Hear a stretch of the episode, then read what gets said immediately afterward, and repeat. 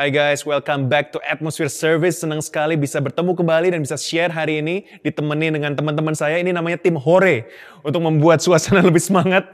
Tapi hari ini pakai health protocol, semuanya pakai masker. Padahal kalau dibuka maskernya ganteng banget dan cantik banget, luar biasa. Pakai masker aja udah ganteng dan cantik, apalagi kalau masker dibuka. Anyway, hari ini aku ingin share tentang satu firman Tuhan mengenai talenta. Alright, and I want uh, uh, start with this statement bahwa berapa banyak di antara kita yang merasakan bahwa orang-orang lain lebih bertalenta dari kita. Orang lain lebih banyak talentanya, lebih berbakat dari kita, lebih lebih bisa melakukan banyak hal daripada kita. Nah, kalau teman-teman berpikir seperti itu, ada berita baik karena teman-teman nggak sendirian. Actually, research membuktikan bahwa 99,5% orang di dunia ini merasa tidak punya talenta atau merasa talentanya cuma punya satu. Jarang sekali, bahkan kalau saya ketemu orang, kita sering kali ketemu orang yang bisa musik, Oke, okay? ada yang namanya multi instrumentalist, bisa keyboard, bass, gitar, drum, bisa nyanyi. Wow, hebat sekali. Kita melihat orang-orang seperti ini sepertinya banyak, tetapi tidak. Secara statistik, orang-orang yang punya talenta lebih dari satu atau banyak talenta namanya multi talented itu sedikit sekali. Tetapi yang luar biasa di Alkitab sering kali kita membahas tentang talenta and actually the word talented is the most extensively used word in the church. Ada dua kata yang paling sering banget digunakan di gereja adalah talented and anointed. Wah dia dia diurapi sekali atau wah dia talented sekali ya dia berbakat sekali sehingga orang-orang yang tidak berbakat bayangkan kalau kalau saudara dengar kalau if you guys dengar oke okay, wah dia berbakat sekali terus How do you feel about yourself? Dan sering kali kita dengar orang lebih berbakat dari kita, dia lebih diurapi dari kita sehingga kita merasa minder, kita merasa nggak punya apa-apa. And that's exactly how I feel. Even as a pastor, saya udah khotbah selama hampir 20 tahun sekarang, 12 tahun sebagai full time pastor, hampir tiap minggu khotbah. Sampai hari ini kalau saya dengar orang lain khotbah, dengar pendeta lain khotbah, lihat YouTube, alright, uh, mention the name, right? Amazing preacher Stephen Furtick, Judah Smith. Waktu saya dengar, saya bilang, waduh, saya merasa seperti nggak bisa apa-apa. Saya merasa tidak talented, saya merasa they're much bigger, much better than I am. Dan saya punya berita baik buat teman-teman semua, aku punya berita baik buat kalian semua bahwa God loves you no matter what. Dan ada ada satu cerita di balik kisah lima talenta di Alkitab yang akan membuka pikiran kita pada hari ini. Right? So let, let me start with this. Ada gambar di your screen that you can see. Kalau teman-teman mau baca, uh, versi fullnya di Matius pasal 25, right? It's from uh, ayat ke-14 sampai ayat yang ke-30. Ini panjang sekali ayatnya, saya tidak akan aku nggak akan bacain semuanya, tapi aku pingin naratif aja sekarang dengan gaya sendiri apa ceritanya tentang apa. And so many people waktu dengar cerita tentang lima talenta mereka pikir oh ini cerita tentang Tuhan mengharapkan kita mengembalikan talenta kepada Tuhan. Oke, okay? tapi waktu saya baca ayat ini dan saya renungkan dan saya berdoa, kalau kita lihat dari kacamata kasih karunia, sebetulnya ini bukan bicara mengenai mengembangkan talenta, sebetulnya ini love story. And I will, I will tell you later why. Menurut saya ini bukan gak ada hubungannya sama sekali dengan mengembangkan sebetulnya, tapi ini sebetulnya adalah cerita tentang hubungan kita dengan Tuhan. Nah, setiap kali saya baca cerita ini, and and you know, let me just uh, give this illustration secara singkat. Uh, cerita ini bermula dari seorang tuan yang berpergian ke luar negeri, dia punya hamba-hamba. Oke, okay? lalu dia kasih berapa talenta? Dia kasih ada yang lima, ada yang dua talenta, dan ada yang satu talenta. Yang lima talenta mengembangkan, mengembalikan lima lagi jadi sepuluh. Yang dua, dua jadi empat. Tapi yang satu dia sembunyikan talentanya, dia kubur, dan dikembalikan cuma satu kepada tuannya. And we wanna we wanna look at hari ini daripada uh, perspektif orang hamba yang punya cuma punya satu talenta. Kenapa? Karena kita semua merasa kita cuma punya satu talenta. Right? Kita cuma punya satu talenta. And and I think for me one of my talent is teaching. Oke, okay, I cannot do anything else. Saya main musik pas-pasan, saya apalagi main sepak, sepak bola lumayan gitu ya. ya uh, dan dan tapi tapi buat saya cuma bisa teach aja dan gak bisa yang lainnya. Saya udah coba belajar musik sebisa mungkin tapi gak berkembang-berkembang. So most of us will feel I only have one talent. Coba kita lihat di screen teman-teman ada Matius 25 ayat 14 dan ayat 26. Ini kontras sekali. Sebab hal kerajaan surga sama seperti seorang yang mau berpergian ke luar negeri yang memanggil siapa? Hamba-hambanya. Jadi yang dipanggil bukan orang stranger, yang dipanggil bukan orang sembarangan, bukan orang Kristen baru, bukan orang uh, di pinggir jalan. Ini hambanya dan mempercayakan hartanya kepada mereka. Coba kalian pikirkan kalau seseorang mempercayakan sesuatu, apakah ada hubungan? Pasti. Berarti teman ya atau, atau hamba yang sudah dipercaya ini bukan hamba baru, bukan pelayan Tuhan baru. Dia hamba yang sudah dipercaya. Tetapi di ayat 26 12 eh, ayat kemudian dikatakan apa? Hai kamu hamba yang apa? Jahat dan malas. Dari hamba yang dipercaya menjadi hamba yang apa? Jahat dan malas. There's something happen dari ayat 14 sampai 26 yang mengubah seorang hamba yang dipercaya menjadi jahat dan malas. Ada sesuatu yang mengubah seorang WL yang terkenal, yang sudah mengarang lagu begitu banyak, yang menjadi idola anak-anak muda. Dari satu orang di panggung yang melayani Tuhan dengan setia. Sekarang sudah tidak percaya Tuhan, dia tinggalkan istrinya, dia tinggalkan anaknya, dia ceraikan teman-teman. Alright? Ada banyak cerita hamba Tuhan, bahkan pengkhotbah yang dia meninggalkan gereja, bahkan sudah tidak percaya Tuhan lagi. There's something happening. Dan buat kita untuk mengerti penting sekali. Kenapa? Hey, Christianity is a marathon, not a sprint. Kalau kita semua dipanggil Tuhan hari ini, eh jangan hari ini sih, terutama yang belum menikah kasihan ya. Right? But kalau teman-teman dipanggil Tuhan langsung begitu lahir baru, of course it's okay kita ketemu Tuhan langsung. But we are marathon, ada cobaan, ada tantangan. Eh, apa yang ter terjadi kepada hamba dengan satu talenta ini. There are three things that happen. Ada tiga pelajaran hari ini yang kita mau pelajari bersama. Kalau yang suka nyatet bisa dilihat ini. Yang pertama adalah saya mau bilang bahwa comparison kills. Alright? Pembunuh kapasitas sejati itu bukan hopelessness, bukan penyakit, bukan, bukan kebangkrutan, bukan. Pembunuh kapasitas sejati, pembunuh potensi kehidupanmu adalah perbandingan. Now I'm gonna give you example uh, dengan tim Hore ini. Ya. Lima talenta, dua talenta dan berapa? Satu talenta, sorry ya uang saya terbatas. Tenang, uh, ini sudah disemprot semua dengan hygienik. Jadi ini semuanya higienis. Oke, okay. yang pertama Michael, ini adalah koordinator atmosfer kita. Saya kasih 5 talenta, jadi 500 ribu Michael ya. Tapi nanti dibalikin setelah khotbah selesai. Karena ini hanya ilustrasi. Haleluya. Oke, okay. five for you. Alright. Lalu uh, Maya. Nah, Maya ini dia yang mendesain-desain slides dan semuanya yang kalian nikmati selama ini. Oke, saya kasih kamu dua talenta, ya 200 ribu. Dan Yere saya kasih 100 ribu. Dan ini asisten saya. Dia dia saya habisan uang, mohon maaf. Right. But the thing is this, right? The problem with this illustration itu bukan masalah dia cuma dapat 100 ribu. Tapi di depan matanya saya bilang, Hai Michael, kamu 500 ribu, kamu 200 ribu, kamu 100 ribu. Itu saya bilang gini, sesuai dengan kemampuanmu mengelola.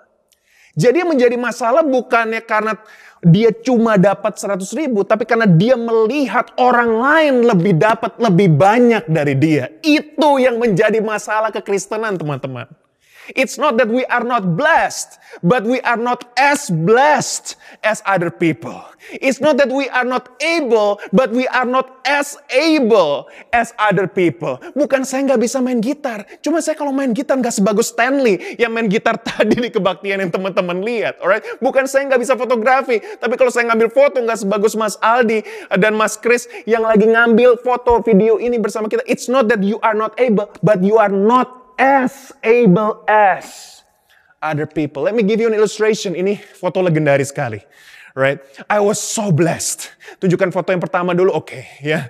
Ini saya sangat diberkati. Saya senang banget dapat mobil pertama saya tahun 2002, teman-teman. Ini adalah Holden Barina tahun 92, legendaris. Saudara bisa teman-teman bisa lihat kenapa saya foto di situ, saya pegangin karena walaupun ini mobil murahan, tapi berharga sekali dalam kehidupan saya dan saya tutupin karena di tempat di mana saya tutupin di spot itu tidak ada kaca spion. Kaca spionnya hanya di sebelah kanan, tidak ada di sebelah kiri. I was so blessed. Saya bilang, thank you so much Jesus. Saya bangga sekali. Saya lagi mau nyetir. Kebayangkan pertama kali seumur hidup saya. Saya mau nyetir ke gereja menggunakan mobil sendiri. Umur 18 tahun. Oh my goodness, so excited, right? Saya thank you Jesus. Oh, gratitude. God is good all the time. And all the time, God is good. Alright? So I went to the car park of the church. Nyetir dengan bangganya mobil ini. Begitu saya sampai guys, you know what happened? Tunjukkan picture kedua. Nissan Skyline datang. Holden Barina tahun 1992, ini kejadian tahun 2002 ya teman-teman. Versus lawan Nissan Skyline 2001. Tentu bagusan Holden Barina, enggak enggak. Bagusan Nissan Skyline. Oke, okay? dia datang dengan knalpotnya lebih besar daripada ban mobil saya, saudara. Dan dan when when I saw that, that another person is more blessed than I am, my gratitude turns into grudge. Dari hati yang penuh dengan sukacita waktu saya benar-benar lihat Nissan Skyline 2001. Haleluya Tuhan Yesus. Thank you so much Jesus. I turn into grudge. Saya bilang, oh dari God is good all the time, God is not fair. God is not fair. Tuhan, aku bawa jiwa lo ke Tuhan. Aku bawa orang dibaptis ke Tuhan. Aku pimpin pujian. Aku jemputin orang ke gereja. Kenapa you only gave me this car? Padahal 20 menit sebelumnya bangganya luar biasa. Hey, how things can turn when you start comparing yourself with other people. Dikasih rumah, tiga bedroom, begitu lihat empat bedroom. You know, I always preach about this. But this is the thing. Hamba satu talenta, dia kecewa bukan karena cuma dapat satu talenta, tapi karena dia lihat yang lain lebih dipercaya daripada dia. So the first lesson we want to learn today is comparison kills. Mau tahu cara menjatuhkan orang paling gampang teman-teman? Tapi jangan jangan dipraktekkan, jangan dipraktekkan. cara menjatuhkan orang paling gampang, bandingkan aja. Dia masak gitu kan, wah enak banget. Tapi masakan kakakmu lebih enak. Habis udah dia nggak akan mau masak lagi lah, udah pasti itu. Ya, kecuali dia orangnya penuh dengan semangat dan diurapi dengan roh kudus dan datang ke atmosfer, nonton atmosfer tiap minggu, mungkin dia akan penuh dengan semangat. Oke, okay? but you know, paling gampang bandingin aja saya mencetak tiga gol gitu kan misalnya kan. Begitu saya bilang, wah thank you Lord, saya mencetak tiga gol. Oh kamu tiga gol ya? Oh itu kemarin your brother lima gol. That's it man. Dan the easiest way to kill someone's potential gampang, bandingin aja dengan orang lain. Oke, okay, dan parahnya begini, keluarga Asia nih. Oh. Kamu ini gak serajin cici kamu. Kamu gak serajin koko kamu. Cici kamu seumur kamu tuh udah bisa naik sepeda. Of course, Zaman dulu nggak ada transportasi lain, memang harus naik sepeda. Sekarang harus pakai mobil begitu kan. Jadi, jadi kadang-kadang it's not fair to to compare. Tapi Asian parents seperti itu. Saya pun ter, terjebak dengan dengan paradigma itu sih. Kasihan juga kadang anak-anak kita gitu kan, di compare dengan yang lain. And uh, uh, lesson number two is this. Tuhan memberikan, saya tambahin nih, Tuhan memberikan memang sesuai dengan kemampuan. It's true. It's true. Right? Yang satu dikasih lima, satu kasih dua, satu kasih satu. Each according to apa? His ability. Then he went on his journey. Now, kita sering kali mau membuktikan sesuatu, ada lagi nih, akhirnya begini, kita mau coba buktikan pada Tuhan, Tuhan, aku bisa dipercaya lebih loh. Kok aku cuma dapat satu? Kok aku cuma dapat dua? Kok aku cuma dapat tiga? Kenapa aku tidak dapat lima? Now I want to tell you something. God will give you according to your ability right now, tanda garis right now. Kalau dia belum memberikan ekspansi atau pertumbuhan dalam gerejamu, dalam bisnismu, mungkin saudara belum bisa handle. Semua orang mau mega church. Tuhan, kapan gereja seribu? Yang seribu kapan sepuluh ribu? Yang sepuluh ribu kapan seratus ribu? Oh my goodness. Can you imagine handling hundred thousand people? Ya puji Tuhan sih kalau diberikan kemampuan. But the thing is, you know, if you if Tuhan belum kasih pertumbuhan, mungkin kita belum bisa handle. Sekarang kami sedang perhatikan sekali pertumbuhan di gereja di Christ Cathedral bukan lagi masalah berapa banyak jiwa yang datang ke gereja, tapi berapa banyak jiwa yang kita bisa gembalakan dengan efektif lewat family community, lewat komunitas sel, lewat pelayanan-pelayanan pastoral. Oh, by the way, I want to tell you something. It's okay to be slow as long as you grow. so many people like, oh, saya dibaptis minggu lalu, penuh roh kudus hari Jumat kemarin, melayani Tuhan hari ini, haleluya minggu depan balik clubbing lagi. Mohon maaf kalau clubbing it's okay, right? God loves you, God bless you, right? It's not about the clubbing thing, but it's about the addiction that comes with it, about the lifestyle that comes with it. There was this person yang kita layani seperti itu, like, wow, I was baptized minggu lalu, dipenuhi roh kudus hari Jumat, melayani hari Minggu, minggu depan balik lagi ke kehidupan semulanya. Again, it's not about where she went, saya nggak menghakimi teman-teman, but you know, dia keluar lagi dari gereja. So fast. Yet seperti itu tuh, seperti apa? Uh, kembang api gitu yang udah padam lagi gitu kan. God wants you to be like a volcano yang terus berapi-api dan bersemangat. It's okay to be slow as long as you grow. Let me share with you dan banyak anak muda yang nonton ini berpartisipasi di atmosphere service. When I was young, sekarang juga masih muda sih, tapi dulu lebih muda lagi. Waktu saya umur 26, saya bilang begini, Tuhan, saya mau menjadi millionaire sebelum umur 30. Karena terinspirasi dengan Mark Zuckerberg. Kalau Mark Zuckerberg Facebook bisa, Risa kasih di bisa, right? And I ask God, Tuhan, give me business. 2011 saya ingat banget. And when we went to the place, uh, dulu masih calon istri, Stephanie bilang, kayaknya belum waktunya. Kamu masih berkarir, baru setahun, dua tahun di akademik, kita masih baru mau menikah. Kayaknya belum waktunya deh untuk bisnis. Terus saya nggak mau, saya bilang, kalau Tuhan yang memberikan kemampuan, wah Alkitab ya kan, soalnya sekolah Alkitab kan. Kalau Tuhan yang memberikan kepercayaan, dia akan memberikan kita kemampuan untuk mengerjakannya. Hati-hati loh saudara. And what happened is I ask God to give beyond my ability. Tuhan, aku nggak mau dua talenta Tuhan. Khotbah dan apa akademik, right? I want business juga. Tahu nggak? Tuhan tuh memang hebat. Mintalah maka akan diberikan kepadamu dikasih sama Tuhan. Tapi ini yang terjadi. Dia memberikan saya melebihi kemampuan saya. I could not handle that. And I want to tell you something. Anak-anak muda terutama yang lagi mau startup, lagi mau ini, mau itu. Hey, remember this. Sometimes God sengaja kasih things yang kamu nggak bisa handle untuk menguji kamu. Makanya hati-hati meminta. Doa tuh hati-hati loh. Doa tuh penuh kuasanya. Doa orang benar jika dengan sangat yakin doakan apa ya Yakobus 5 ayat 16 sangat besar kuasanya. He will give it to you. Sometimes you're not ready for relationship. Halo. You ask, Lord, I want boyfriend, I want girlfriend. Dikasih, hidupmu semakin parah, semakin semakin sengsara. Oke? Okay? Tapi kalau timingnya Tuhan, dia kasih pasti sesuai dengan kemampuan, pasti sesuai. Dan semuanya pasti indah pada waktunya. Yang masih single dan merasa sudah semakin menua, katakan amin, haleluya. Now, you're not single. Now I want to tell you something that um, God give me beyond my ability. Untuk apa? Mengajar sesuatu. Saya mau bilang ya, empat tahun hidupku waktu itu empat tahun it was like hell baru menikah, financial problem, business problem, academic jadi nggak berkembang, gereja nggak berkembang. Bayangkan yang saya layani di Melbourne selama empat tahun. Sampai Tuhan bebaskan saya dari itu. Hey, kelebihan talenta melebihi kekuatanmu, memberikan beban yang berlebihan. Maka itu firman Tuhan katakan, marilah kepada gue nanti beban berat, aku akan memberi kelegaan kepada maksudnya apa? Talenta yang kelebihan. Mendingan dikasih balik ke Tuhan deh. Supaya kamu tidak terlalu terbeban melebihi kekuatanmu. Dia akan memberikan sesuai dengan kekuatanmu, right? So do not feel lower or small when you see other people given bigger opportunities. Karena memang ada orang tertentu dengan usia muda dia memang lebih hebat dan punya kapasitas lebih besar. It's okay. It's okay kalau kamu umur 30 dan belum S2, it's okay. It's okay umur 30 dan belum bisnis sendiri, it's okay. Belum ada rumah sendiri, it's okay. God will bless you in His time. In Jesus name. In Jesus name. Tapi yang ketiga begini. Tuhan memberi sesuai dengan kemampuan. Makanya saya bilang Tuhan memang memberi sesuai dengan kemampuan. Tapi pelajaran ketiga adalah Tuhan menguji apa? Sikap hati. Coba bayangkan, coba lihat ayat ini. Bahasa Inggris mungkin ada juga versinya.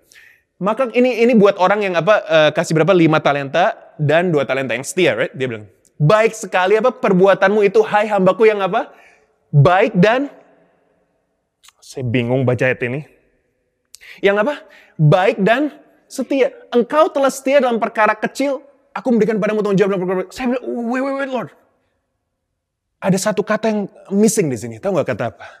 Talented. Kalau saya jadi bos, saya akan bilang, wow baik sekali perbuatanmu itu hambamu, hambaku yang talented.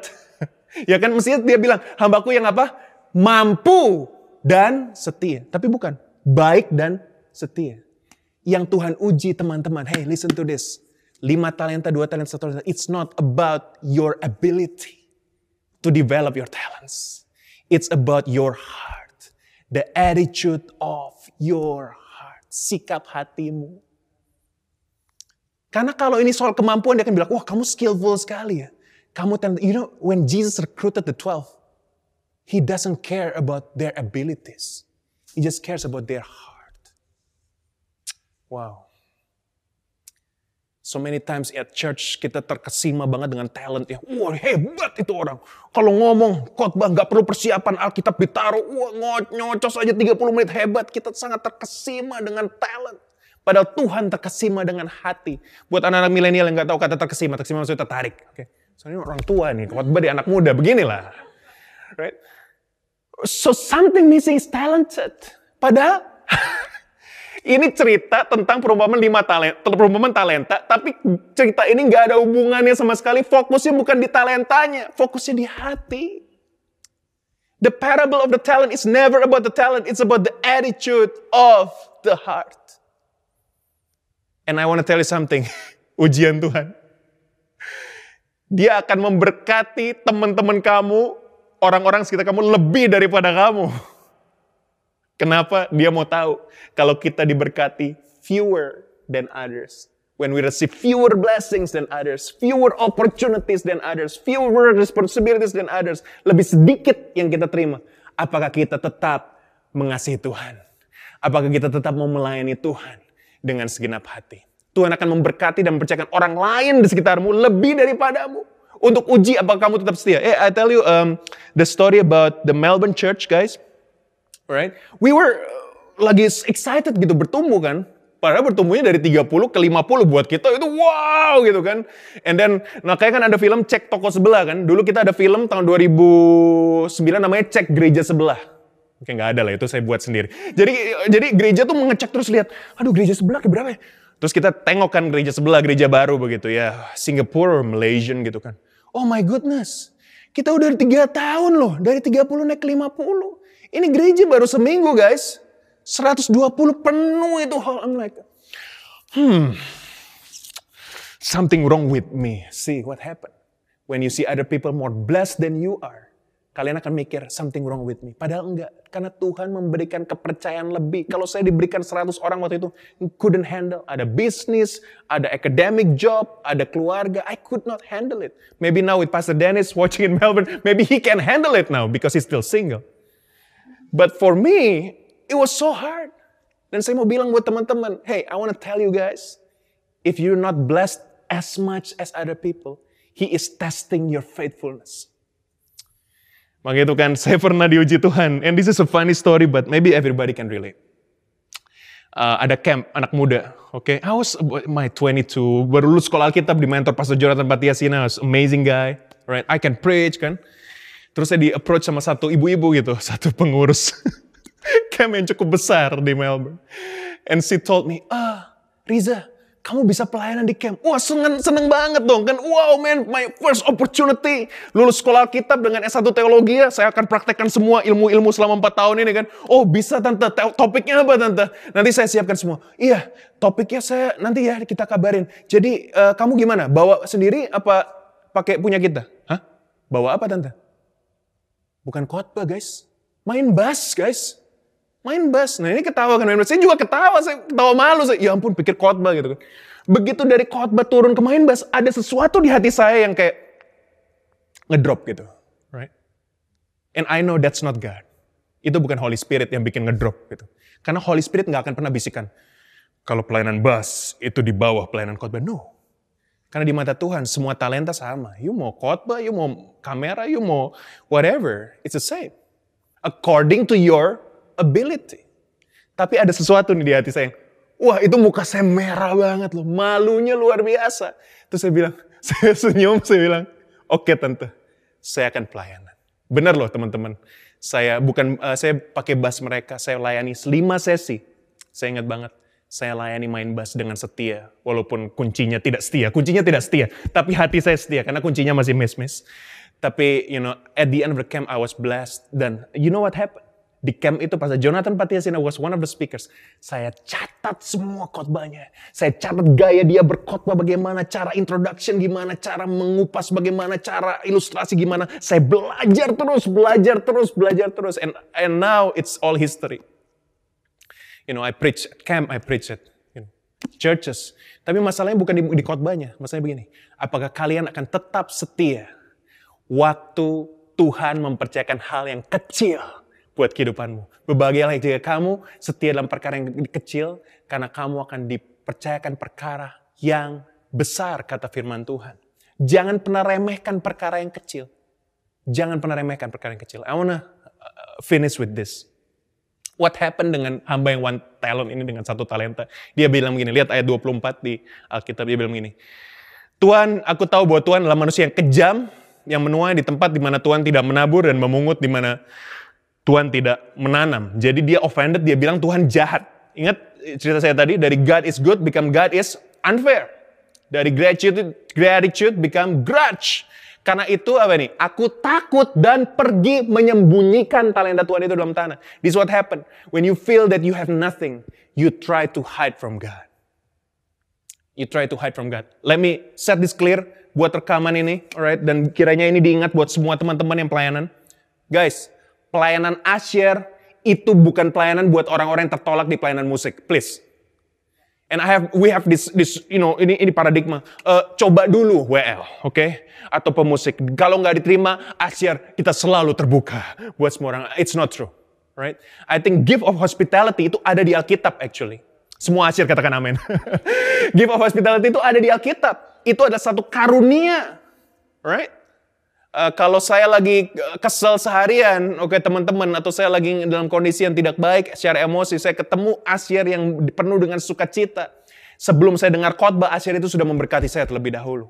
Right? I want to tell you, never hide your talents, no matter how small it is. No matter how small it is.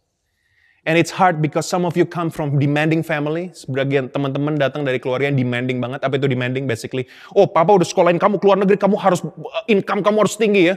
Uh, apa namanya um, bahasa Chinese-nya balik modal. Itu bukan itu bahasa Indonesia sih, right? Harus balik modal. Kalau enggak enggak enggak enggak cengli. Kalau enggak enggak you know it's it's not uh, fair gitu. Jadi kita punya satu, aduh udah di sekolah kita harus cengli nih, kita harus balik modal nih, kita harus balikin. No, no, no, God is not like that.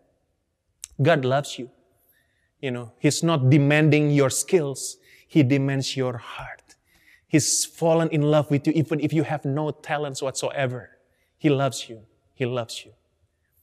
Dan waktu saya lihat uh, keadaan, and I'm, I'm, I'm so blessed I can stand here, saya khotbah sebulan dua kali, menggembalakan gereja, dipercayakan Tuhan. Sering saya bilang ke istri saya, wow Stephanie, I said, Pastor Stephanie, my wife, saya selalu bilang ke dia, so many other people banyak orang lain lebih talented, lebih berpengetahuan dari saya, komunikasi skill lebih bagus dari saya, lebih organized dari saya, leadershipnya lebih hebat dari saya.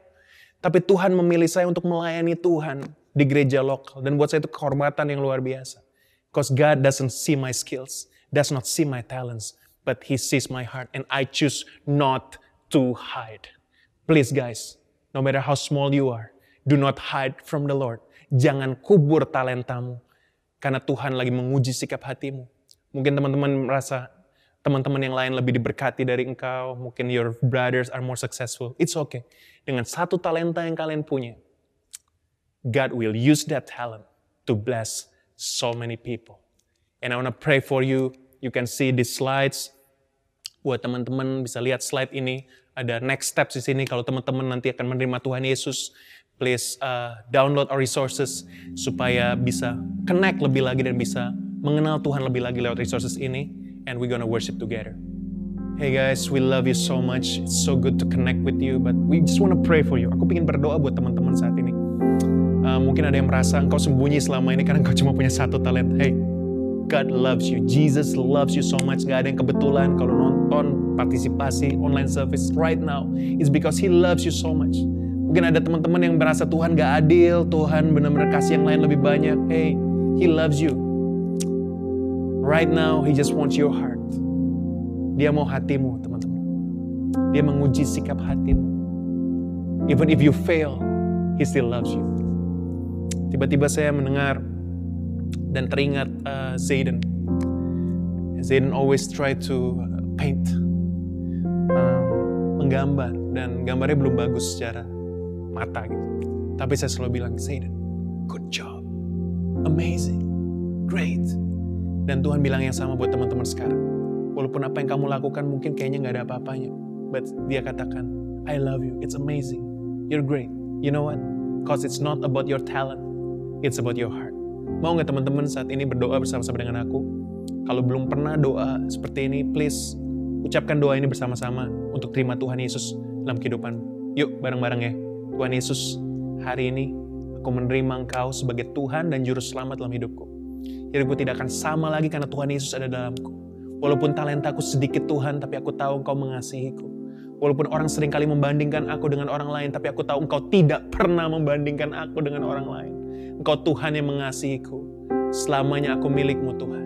Dalam nama Yesus aku berdoa. Amin. Kalau teman-teman sudah berdoa, doa yang kita ucapkan bareng tadi, selamat datang di keluarga Tuhan. Seperti yang saya bilang tadi, di bawah sini juga ada barcode. Teman-teman bisa scan untuk download resources di mana teman-teman bisa semakin mengerti siapa itu Tuhan Yesus dan rencana apa yang dia punya buat kehidupanmu. So we're gonna close the service hari ini.